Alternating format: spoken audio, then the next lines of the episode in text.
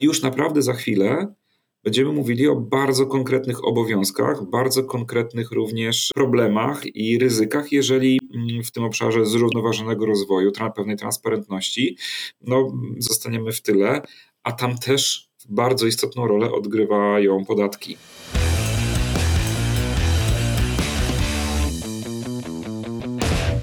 Dzień dobry Państwu, Anna Strzelecka. Zapraszam na kolejny podcast podatkowa międzymiastowa. Dzisiaj ta międzymiastowa jest wyjątkowo nietypowa, ponieważ jestem e, wyjątkowo w Warszawie. Mój gość Michał Borowski, który jest szefem e, zespołu Tax Governance, czyli e, zarządzania podatkami, też jest w Warszawie, ale gdzie indziej, bo proszę Państwa, Warszawa to duże miasto. Ja od czasu do czasu zostaję zaproszona do Warszawy i z przyjemnością przyjeżdżam, natomiast Ministerstwo Finansów ostatnio zaprosiło z kolei do konsultacji w sprawie oceny poziomów dojrzałości y, tak zwanych ram wewnętrznego nadzoru podatkowego. I y, na to akurat zaproszenie odpowiadam nie ja, ale nasz zespół jak najbardziej, ponieważ y, temat jest świeży, gorący i bardzo ważny. Ale żeby w ogóle móc porozmawiać o tym, po co te konsultacje i o co chodzi, zacznijmy od podstaw, Michale. Czym są ramy wewnętrznego nadzoru podatkowego? Ramy wewnętrznego nadzoru podatkowego, bym powiedział, to jest taki układ różnych elementów, różnych puzli, które w całości mają tworzyć dojrzałą funkcję podatkową w organizacji. Czyli na razie chyba niewiele wyjaśniłem, ale już postaram się to poprawić. To jest tak naprawdę. Hmm, pewien system, taki wewnętrzny system w organizacji, e, tak idąc od góry Mm, gdzieś tam nadany czy zadany przez, przez zarząd, przez właścicieli, mm, związane z przyjęciem strategii firmy, strategii podatkowej również e, firmy. Następnie e, system, który odpowiednio dzieli role i odpowiedzialności w strukturze przedsiębiorstwa, role i odpowiedzialności za obszar podatkowy.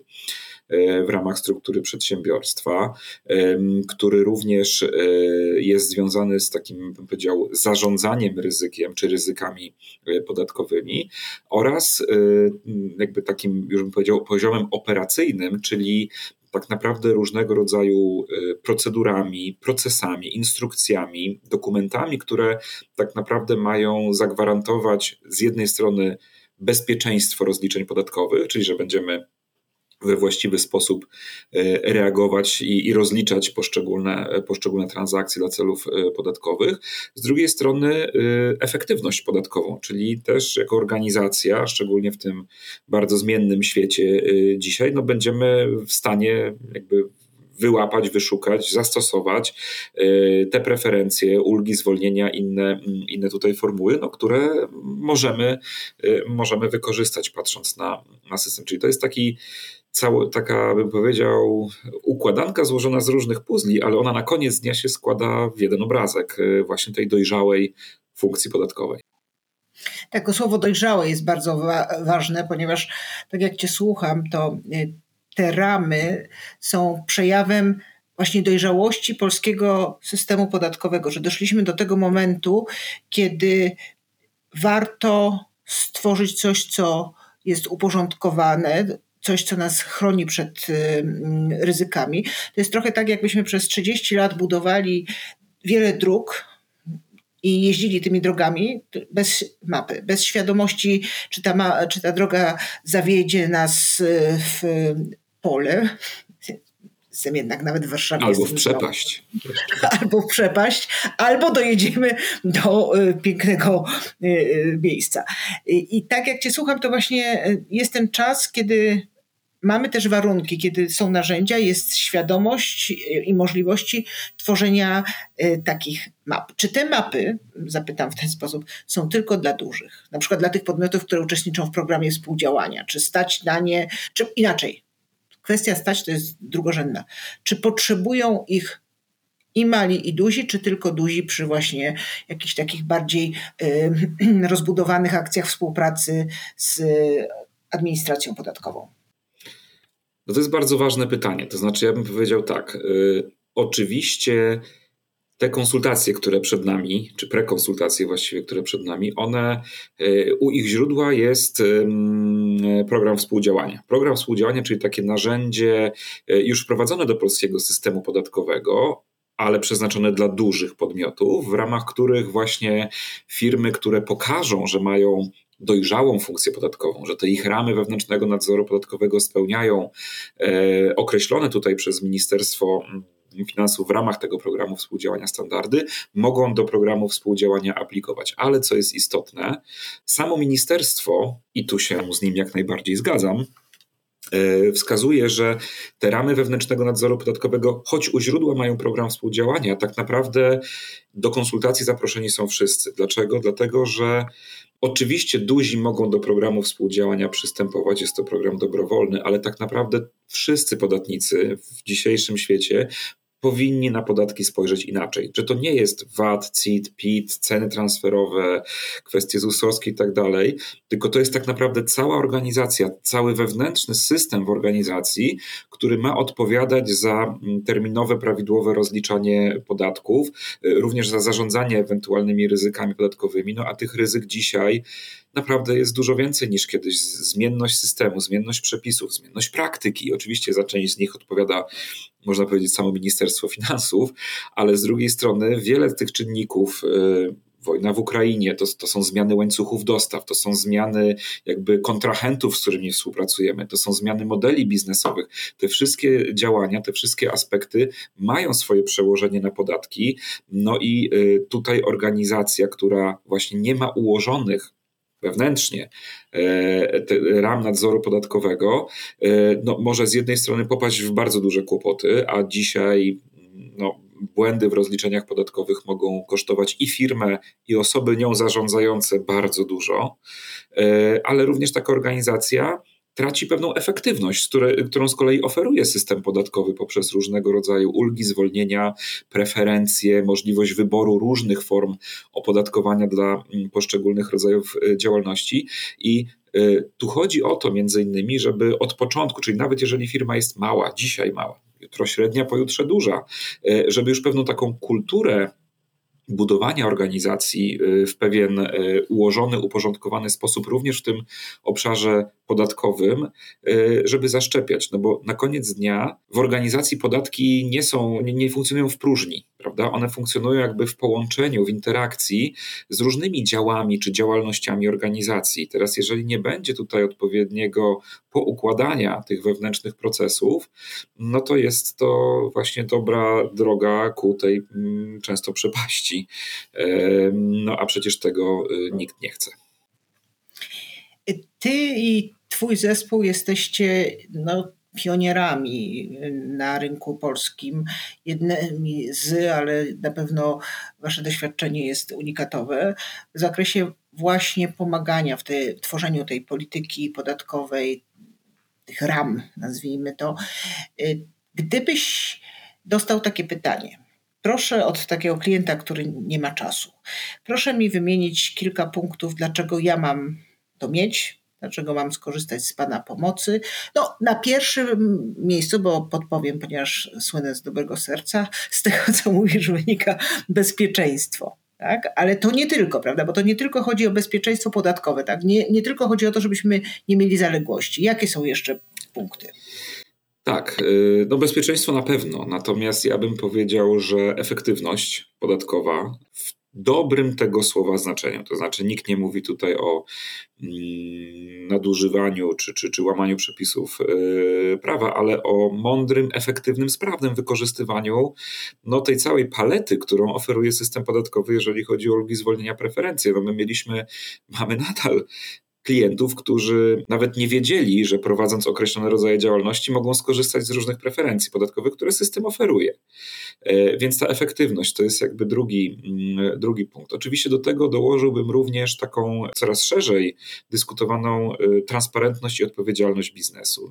Dużo rozmawiamy e, o obszarze ESG. Tak naprawdę w każdej z tych literek są podatki. Mówimy o kwestii budowania odpowiedzialnego biznesu czy zrównoważonego rozwoju. No przecież to też są podatki. Teraz funkcja podatkowa dojrzała, funkcja podatkowa to jest również istotny aspekt tej części naszej działalności, która dziś jest jeszcze dla wielu fakultatywna, tak? czy, czy powiedzmy mm, jest jakąś pieśnią przyszłości, choć już nie dla wszystkich, ale już naprawdę za chwilę będziemy mówili o bardzo konkretnych obowiązkach, bardzo konkretnych również problemach i ryzykach, jeżeli mm, w tym obszarze zrównoważonego rozwoju, pewnej transparentności, no, zostaniemy w tyle, a tam też bardzo istotną rolę odgrywają podatki w bardzo różnych e, obszarach. I e, ta dojrzała funkcja podatkowa, to bym powiedział, ona się sprowadza do takiego, no właśnie, takiego powiedzenia, które jest mi bardzo bliskie, czyli lepiej zapobiegać niż leczyć. E, w różnych jakby tego, mm, tego odcieniach. I oczywiście niektórzy wolą leczyć niż zapobiegać. Mamy również dla nich ofertę bardziej związaną jakby z działem litigation i white collar crime. Natomiast akurat Teraz moją... postraszyłeś, powiem ci. E, no tak, e, na pewno, e, na pewno to, co mogę powiedzieć, tak też przez pryzmat moich doświadczeń, bo przez, przez szereg lat zajmowałem się litygacją podatkową. Często naszymi klientami właśnie w obszarze tax governance są ci, którzy poczuli, że tak powiem, twardą rękę fiskusa w tym obszarze podatkowym. I no, często jednak te, mm, te problemy miały u źródła właśnie y, pewien bałagan taki organizacyjny, prawda? Dział zakupów coś robił, kupował, prawda, czy, czy handlował, no wszyscy się cieszyli, bo byli wyniki, tylko nikt nie spojrzał na to, że na przykład ktoś się w karuzelę podatkową, VAT-owską, że tak powiem, wpakował, prawda? I, y, i z tego tytułu no, różne bardzo czasem nieprzyjemne przygody y, były. I to też y, trzeba pamiętać, że takie właśnie nieuporządkowanie tego obszaru podatkowego, jeżeli już mówimy o tym ryzyku i straszeniu, chociaż ja raczej wolę edukować, ale, ale myślę, że ten aspekt właśnie bezpieczeństwa jest tutaj ważny, no jest to wtedy taki pewien efekt domina, tak? No bo oczywiście przychodzi Urząd Skarbowy. Dzisiaj on też nie przychodzi na ślepo. Znaczy poziom jakby danych, którymi dysponuje administracja skarbowa jest naprawdę bardzo, bardzo szeroki i naprawdę te dane są analizowane. E, więc często mm, tacy nieuporządkowani mm, podatnicy to mówią, no tutaj panie Michale, no e, skarbówka do mnie pierwsza przychodzi, że mam jakieś błędy w rozliczeniach niż nawet ja sam wiedziałem o tym, tak? No tak, tak to wygląda.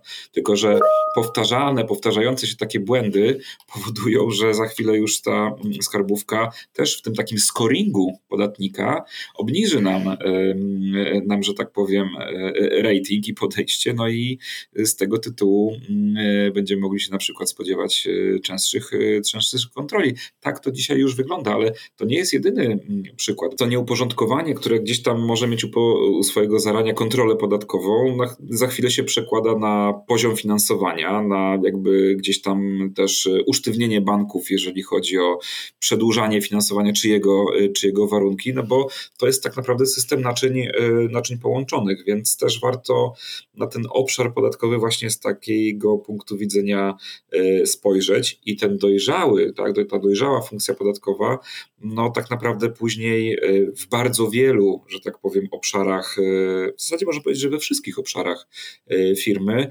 no, będzie dawała wartość, e, nie tylko bezpieczeństwa, ale też tą wartość taką dodaną w postaci efektywności, transparentności innych, e, innych elementów. Co jest istotne, to firma powinna e, zdecydować, każda z nich, jaką ma właśnie tą swoją strategię, na co chce postawić, prawda, jak chce do, do obszaru podatkowego podchodzić i dopiero w oparciu o to można budować ramy wewnętrznego nadzoru podatkowego z pewnym, powiedzmy, wyczuleniem czy większą atencją na jedne obszary, a być może mniejszą na, na inne obszary. Pozwolę sobie na koniec zrobić taką klamrę, bo zaczęliśmy od y, konsultacji y, w Ministerstwie Finansów. Jaki efekt mogą te konsultacje przynieść? Po co one są? Ministerstwo Finansów tak naprawdę, przynajmniej o ile mogę zgadywać agendę Ministerstwa Finansów, ale też y, tutaj ministerstwo dosyć, dosyć mm, tak szeroko się dzieli tym, co zamierza osiągnąć y, w ramach tych konsultacji. Tak naprawdę powiedziałbym, że to są dwa, dwa aspekty. Pierwszy związany stricte z programem współdziałania, czyli dla tych wszystkich, którzy są w programie albo kandydują do tego programu, albo rozważają mm, przystąpienie do programu współdziałania. Chodzi o to, żeby mm, wprowadzić pewien taki bardziej, jeszcze bardziej jasny, klarowny system właśnie oceny tego poziomu dojrzałości funkcji podatkowej, czyli poziomu dojrzałości ram wewnętrznego nadzoru podatkowego, tak żeby podatnicy no, poza podręcznikiem, poza wytycznymi, poza przepisami, poza różnego rodzaju tutaj materiałami, które ministerstwo mm, udostępnia, y, no, czy też po prostu doświadczeniem osób, które, które y, tymi aplikacjami się y, zajmują, żeby podatnicy mogli takie jeszcze łatwiej jakby zorientować się po pierwsze, gdzie są dzisiaj, czy ten taki model as is, tak? No i też gdzie powinni być, powiedzmy, aplikując do, do programu e, współdziałania i jaka droga ich jeszcze tutaj e, czeka. Ale jest też drugi punkt, czy drugi mm, element, o którym też ministerstwo jasno komunikuje. To znaczy, chodzi o to, żeby jednak cały rynek, czyli wszyscy podatnicy, już nie tylko ci najwięksi, ale wszyscy podatnicy, mm, uświadomili sobie, że budowanie ram wewnętrznego nadzoru podatkowego od samego początku jakby y, funkcjonowania firmy no jest elementem naprawdę kluczowym, tak, żeby później bezpiecznie, transparentnie rozwijać, rozwijać firmę i nawet jak organizacja rośnie albo właśnie ciesząc się, że organizacja rośnie, y, ta funkcja podatkowa nie zostawała w tyle, no bo Oczywiście kiedyś ktoś y, zapytał się, czy tam podatki powinny być proste, tak? No oczywiście to fajnie brzmi, tak, ale prawda jest taka, że w dzisiejszym złożonym świecie podatki proste nie będą. Y, ale chodzi o to, żeby organizacja była y, odpowiednio do swojego rozmiaru, do specyfiki działalności, do swojej strategii, żeby była odpowiednio y, no, do tego systemu podatkowego przygotowana, a no, nie zderzała się, że tak powiem, tutaj z tirem, tudzież innym że tak powiem. Nie z, tak, na drodze, której nie zna. Tak. Dobrze, bardzo, bardzo Ci dziękuję za rozmowę o tej prewencji, o tym myśleniu naprzód, po to, żeby sobie zaoszczędzić kłopotów.